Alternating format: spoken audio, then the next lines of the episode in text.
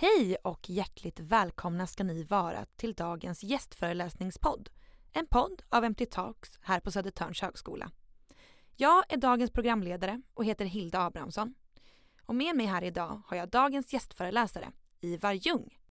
Ivar kommer att prata om färg, för det är han expert på. Han har en bakgrund som arkitekt, scenograf och konstnär och idag arbetar han främst som lektor i design vid Linnéuniversitetet. Vi kör igång med lite frågor. Och då undrar jag såklart, vad är färg? Ja, det var en stor fråga och komplicerad fråga. Men, men eh, det korta svaret är väl egentligen det vi uppfattar som färg. Mm. Eh, och det är väl egentligen det som är intressantast. Eh, att vi när vi ser verkligheten runt omkring oss uppfattar vi olika färger som beror då på att det är olika våglängder som träffar ögat och, och att det är olika pigment på de sakerna vi ser. Men, men det intressanta är att vi faktiskt eh, uppfattar det som olika färger och eh, som vi då kan ja, förhålla oss till och eh, tolka eh, världen lite grann bättre därför att vi ser de här färgerna. Vi kan förstå världen lite bättre därför att vi kan urskilja eh, olika saker från varandra med hjälp av färgen. Så att det har ju väldigt stor betydelse för att vi ska få information. Ja, vad tycker du själv är färgens främsta uppgift? Är det just att informera eller kan det vara andra saker? Nej, jag, jag, jag, kan nog säga att det är det som är basen. Det är därför vi ser färger överhuvudtaget. Det, det är därför vi har utvecklat det här färgseendet. För att det, det ger oss en, en, en fördel Eh, evolutionärt att vi faktiskt kan få information. Eh, och förr i, i, tiden kan man säga så var det väldigt mycket eh, information från naturen. Att vi kunde se, upptäcka mat och föda och ja, även upptäcka fientliga, farliga djur och så vidare. Att, att, att, att kunna se saker och att kunna upptäcka dem och förhålla sig till det. Eh, idag kan man ju säga att, att det kanske försvinner lite grann. Att vi behöver inte jättemycket färgseende för att få i oss mat eh, eller få mat på bordet. Men däremot så, så, så det moderna informationssamhället har ju otroligt mycket information som är färg, eh, som bygger på färg och infografik och sånt där som där, där, där eh, vi, vi sorterar med hjälp av färg och vi ser med hjälp av färg och vi får eh, Eh, vet vad det handlar om på grund av färg och hur vi tolkar färger. Så att, eh, det, det gäller ju även det moderna samhället att vi är faktiskt väldigt beroende av att kunna tolka och förstå färger. Om man ska välja en färg för det man vill förmedla, hur ska man tänka då? När passar vilken färg? Det är svårt att ge något väldigt enkelt svar på det. Men, men egentligen så kan man säga att man har en ganska bra känsla för vilken färg som passar. Eh, om man ska välja färg, om man ska gå bort en kväll eller så, så har man ganska bra känsla av att ja, men den här färgen kanske passar eller den här färgen kanske inte passar. Den kanske är för upp, väcker för mycket uppmärksamhet eller jag kanske känner mig utklädd eller eh, sådär. Så att, eh, det, det korta svaret är att kanske lita på sin känsla och den här känsligheten kan man ju då träna upp genom att reflektera mycket kring färg och, och fundera på eh, ja, vilka färger som finns och, och analysera eh, hur, hur, andra väljer färg och sådär.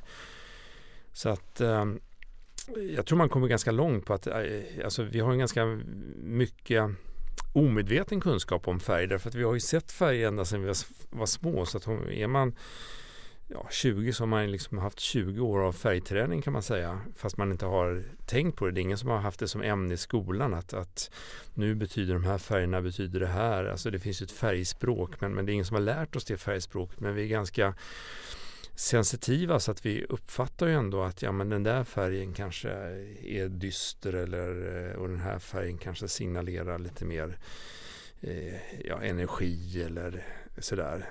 Och sen kan man ju fördjupa det här hur mycket som helst. Men, men, men eh, jag tror att vi alla har en, en, en ganska intuitiv känsla för, för vad färger kan, kan betyda och stå för och sådär och vilka färger som, som passar i vilka sammanhang.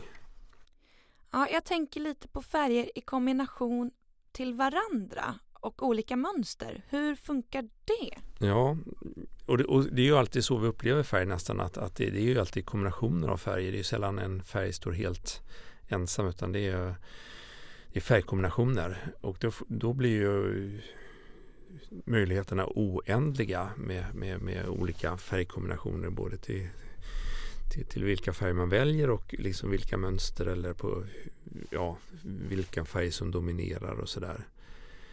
Eh, och då kan man ju ha hjälp lite grann tycker jag av färgkunskap. Att, att lära sig lite mer om färg. Att, att eh, se hur man kan balansera eh, olika färger och skapa färgharmonier och färger som liknar varandra och som liksom hänger ihop och, och känns eh, som kompisfärger och, och, vilka färger som då i det sammanhanget kan bryta av och vara accenter eller utropstecken eller som man lägger märke till och sådär.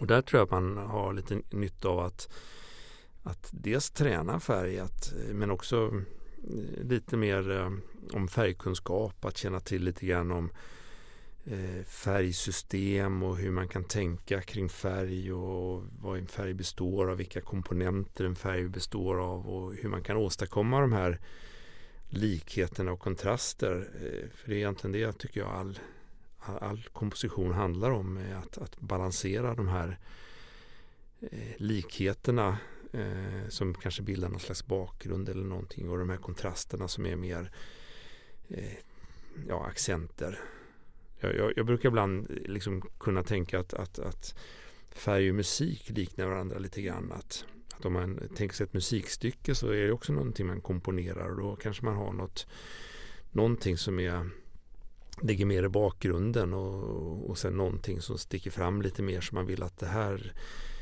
ska man lyssna på eller det här är liksom bärande och då får andra stå tillbaka. Så allting kan inte stå på max för då, då blir det liksom inte då får man inte ut någonting av det.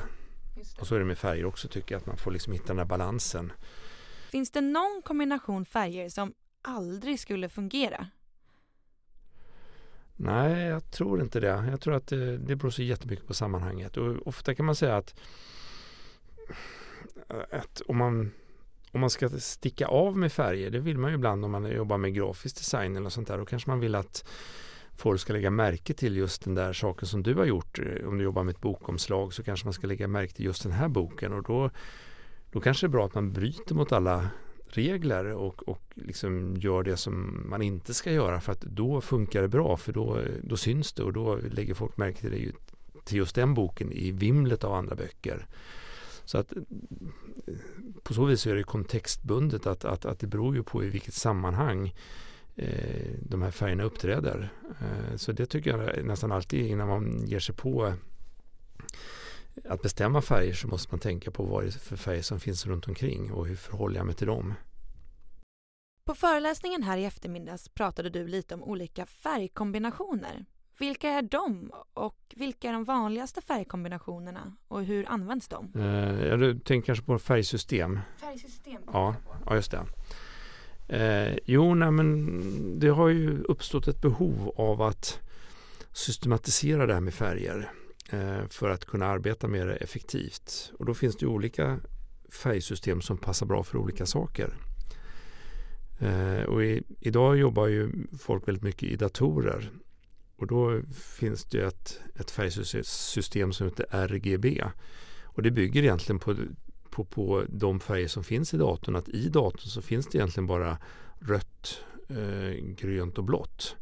Det finns inga andra färger. Alla andra färger som, som vi tycker att vi upplever det är att, att man ställer in de här nivåerna på de här eh, grundfärgerna rött, grönt och blått eh, på olika nivåer. Då blandas det för ögat så då kan vi uppfatta violett och gult och allting annat. Så att, och det, RGB bygger just på att, att det är de färgerna som är bäst när det gäller att blanda ljus, ljusfärger. Sen finns det ju ett annat eh, som man använder väldigt mycket när man trycker färger som också är väldigt användbart och det är det här CMYK eller SMYK som står för cyan, magenta och gult och svart key color. Och det används i alla, om man, ja, om man säger alla kopieringsapparater när man ska fylla på patroner i dem då är det just eh, de här tre som finns eh, plus svart då, alltså eh, cyan, magenta och gult. Och, och de färgerna visar sig väldigt bra för att skapa blandningar så att om man blandar de tre färgerna så kan man få fram i princip de, de flesta färgerna man, man, man vill komma åt. Det, det, blir inte riktigt, ju mer man blandar färger kan man säga desto svårare att få fram en bra kolortfärg, alltså en stark färg. För att varje gång man blandar så försvagar man liksom färgintensiteten.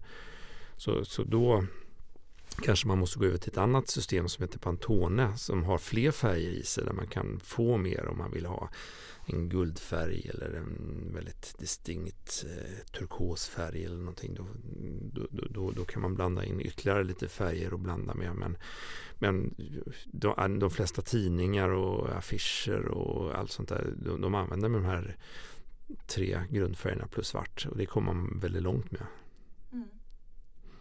Mm. Sen pratar jag också om ett system som heter NCS som står för Natural Color System som som är mer baserat på ens eh, hur, man, hur man uppfattar färger, hur man ser färger. Och som är ganska pedagogiskt för att det är ganska lätt att förstå hur färger hänger ihop och hur de relaterar till varandra. Det, det, och det är ett väldigt visuellt system, det är väldigt grafiskt. Man kan se hur, hur, hur, vilka färger som ligger nära varandra och vilka som är långt ifrån varandra och sådär. Så, så det, är användbart på det sättet. Hur kom du på att du ville jobba just med färg? Ja, det är faktiskt det uppstod ur en brist. Eh, ja, när jag utbildade mig till arkitekt en gång i tiden och då fick vi inte lära oss väldigt mycket om färg. Och då kommer jag ihåg att jag en gång satt och skulle blanda till med vattenfärger. Det var på den tiden man gjorde ritningar och sen så färglade man dem med akvarellfärger. Och så skulle jag göra tegelfärg och så tyckte inte jag kunde blanda till den där tegelfärgen. Och jag förstod inte hur jag skulle liksom blanda till en tegel. Den blev för röd eller den blev för gul eller eh, ja, det blev inte tegel i alla fall. Och då insåg jag att ja, men jag kan ju inte det här. Eh, och det är ingen som har lärt mig det. Eh, och då, då uppstod ett behov av att faktiskt, så att jag började gå på eh, andra eh, konstnärliga utbildningar och gick kurser på eh, här i Stockholm som, som handlade om ja, NCS och sånt där. För att förstå hur, hur, hur färg funkar. Mm. Så att det kom egentligen av, av det här att jag ville lära mig någonting som jag tyckte jag behövde men som jag inte fick i min utbildning. Ja. Varför tror du att du inte fick det i utbildningen? Eller fanns, varför fanns inte det med? Ja, alltså jag tror att det har rätt mycket med tradition att göra. Att, att arkitekter av tradition har jobbat väldigt mycket med form och ges, alltså gestaltat eh, och, och, man, eh, man kan ju säga så här att, att, att alltså det vi ser är ju egentligen både färg och form. Allting är ju färg och form. Men vissa människor kan man säga kanske är mer formmänniskor. De tänker mer i former och när de ska uttrycka så uttrycker de sig mer i former. Och, ja, man kan tänka sig att en skulptör kanske är mer en formmänniska. Medan andra människor tänker mer i färg och när de ska associera till någonting de vill uttrycka så, så ser de färger framför sig. Och eh, jag tror att arkitekter av tradition har varit väldigt mycket formmänniskor. Man har, tittat, man har studerat mycket form och, och sådär. Så att det där med färgen har blivit lite som, ja det är någonting man smetar på efteråt ja, lite grann. Mm. Och jag har inte fått samma status och, och därför inte tagits in i utbildningen på, ett, på, ett, på samma sätt som, som jag tycker formläraren har gjort. Mm. Och enligt dig, vad är det bästa med färg? Alltså det bästa är ju upplevelsen. Eh, det är ju faktiskt att man kan bli otroligt eh, upprymd av färger. Eh, det finns ju en, eh, alltså både skönhet och, och en eh, Ja, om man är ute i naturen, alltså bara något sådär som något, något så enkelt som en solnedgång kan ju vara liksom otroligt ja, alltså man, man, man känner sig upplyft i själen av att, att se alla de här färgerna som uppträder. Så det skulle jag nog säga att, att, att det absolut bästa är att, att uppleva färg. Och jag har ju, ibland brukar jag fråga studenter sådär om de, om de drömmer i färg. Eh, för det visar sig att att eh, det är inte alla som drömmer i färg utan många, dels kanske inte alla kommer ihåg sina drömmar men av de som kommer ihåg sina drömmar så är det oftast mindre än hälften som kan säga att de drömmer i färg. Utan att de, ja, de tror att de drömmer i svartvitt eller eh, inte färg i alla fall. Och jag kommer ihåg själv att det var så för mig också att jag Eh, jag, jag, kan inte komma ihåg att jag drömde i färg när jag var yngre men sen när jag började jobba mycket med färg så kom färg också in i mina drömmar.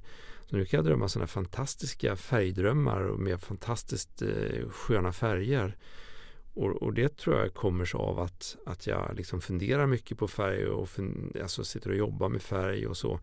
Och, och, det, och det man tänker på på dagarna det är ofta det som kommer in på natten. Har du någon absolut favoritfärg och någon färg du avskyr? Så jag hade ju förut så hade jag ju att jag hade väldigt svårt för gulgrönt. Ehm, den här lite smutsiga eh, gulgröna färgen. Eh, alltså lite åt senapshållet till fast kanske ja. Men ehm, jag tycker nu, det beror på vilket sammanhang. Den kan ju liksom vara ganska läcker. Jag målar ju en del också själv och då kan jag säga att eh, ja, men ibland så passar den färgen liksom beroende på sammanhanget så kan den vara ganska uppfriskande. Så att nu tycker jag, alltså ju mer man håller på med färg desto mer tycker jag att man ser det som, som olika instrument bara som man kan liksom spela olika toner på och, och beroende på hur man spelar så kan det bli vackert eller fult eller eh, säga någonting eh, dur eller moll eller så. Så att eh, jag kan nog inte riktigt säga men, men skulle jag ändå säga någon favoritfärg så, så är, är jag ju lite förtjust i olika blå färger, det kan jag inte komma ifrån. Ja, och visst är det så att du är väl inte ensam om att vara förtjust i just blå färg? Ja, men det, man har ju gjort faktiskt forskning på det, att man, det kallas för färgpreferensundersökningar, att man undersöker folks färgpreferenser. Det har man gjort sådär över hela världen och, och eh, då har man kommit fram till att, att eh, i alla kulturer över hela världen så är blått den mest populära färgen. Man kan alltid se att det är en spridning, det är inte så att alla tycker om blått men men, men den färgen som ligger ändå högst i alla kulturer så är det blått. Och, och det är lite, alltså, den har inte ett svar på varför det är så. Eh, för det finns verkligen alltså en, en kurva där, där alla färger är representerade. Eh, men, men blått har en liten speciell särställning i det att det är många som gillar blått på olika sätt. Och avslutningsvis nu tänkte jag höra med dig om du har några tips på hur man blir expert på färg. Genom att hålla på med färger. Uh, att dels måste man nog tycka att det är roligt. Eh, man måste tycka att det är intressant. Och sen tror jag att det, man får hålla på med färg och pröva sig fram. och, och eh, det tar ju tid. Det är som att spela på ett instrument eller någonting. Man kan ju inte bli virtuos på en gång utan det är ju träning och, och alltså att pröva. Och, och jag tror att och det kan man göra på olika sätt. Man kan ju måla akvarell, man kan måla akryl eller man kan jobba i datorn eller man kan jobba med, med mönster eller alltså kläder eller textil eller eh, vad som. Men ju mer man håller på med färger och på ett medvetet sätt och funderar och prövar och testar och prövar om och prövar någonting annat och ser blir det bättre eller blir det sämre eller varför blev det bättre eller varför blev det sämre vad händer om jag provar med det här. Varje sådana prövningar man gör så blir man ju bättre och bättre och man får ju större och större erfarenhetsbas och till slut så kanske man vet att ja, men, vänta, de där färgerna brukar funka bra ihop eller sådär så att jag tror att det är bara att hålla på och laborera. Tusen tack till våran gäst Ivar Ljung och tusen tack till dig som har lyssnat på dagens gästföreläsningspodd. Vi är snart tillbaka. Hej då!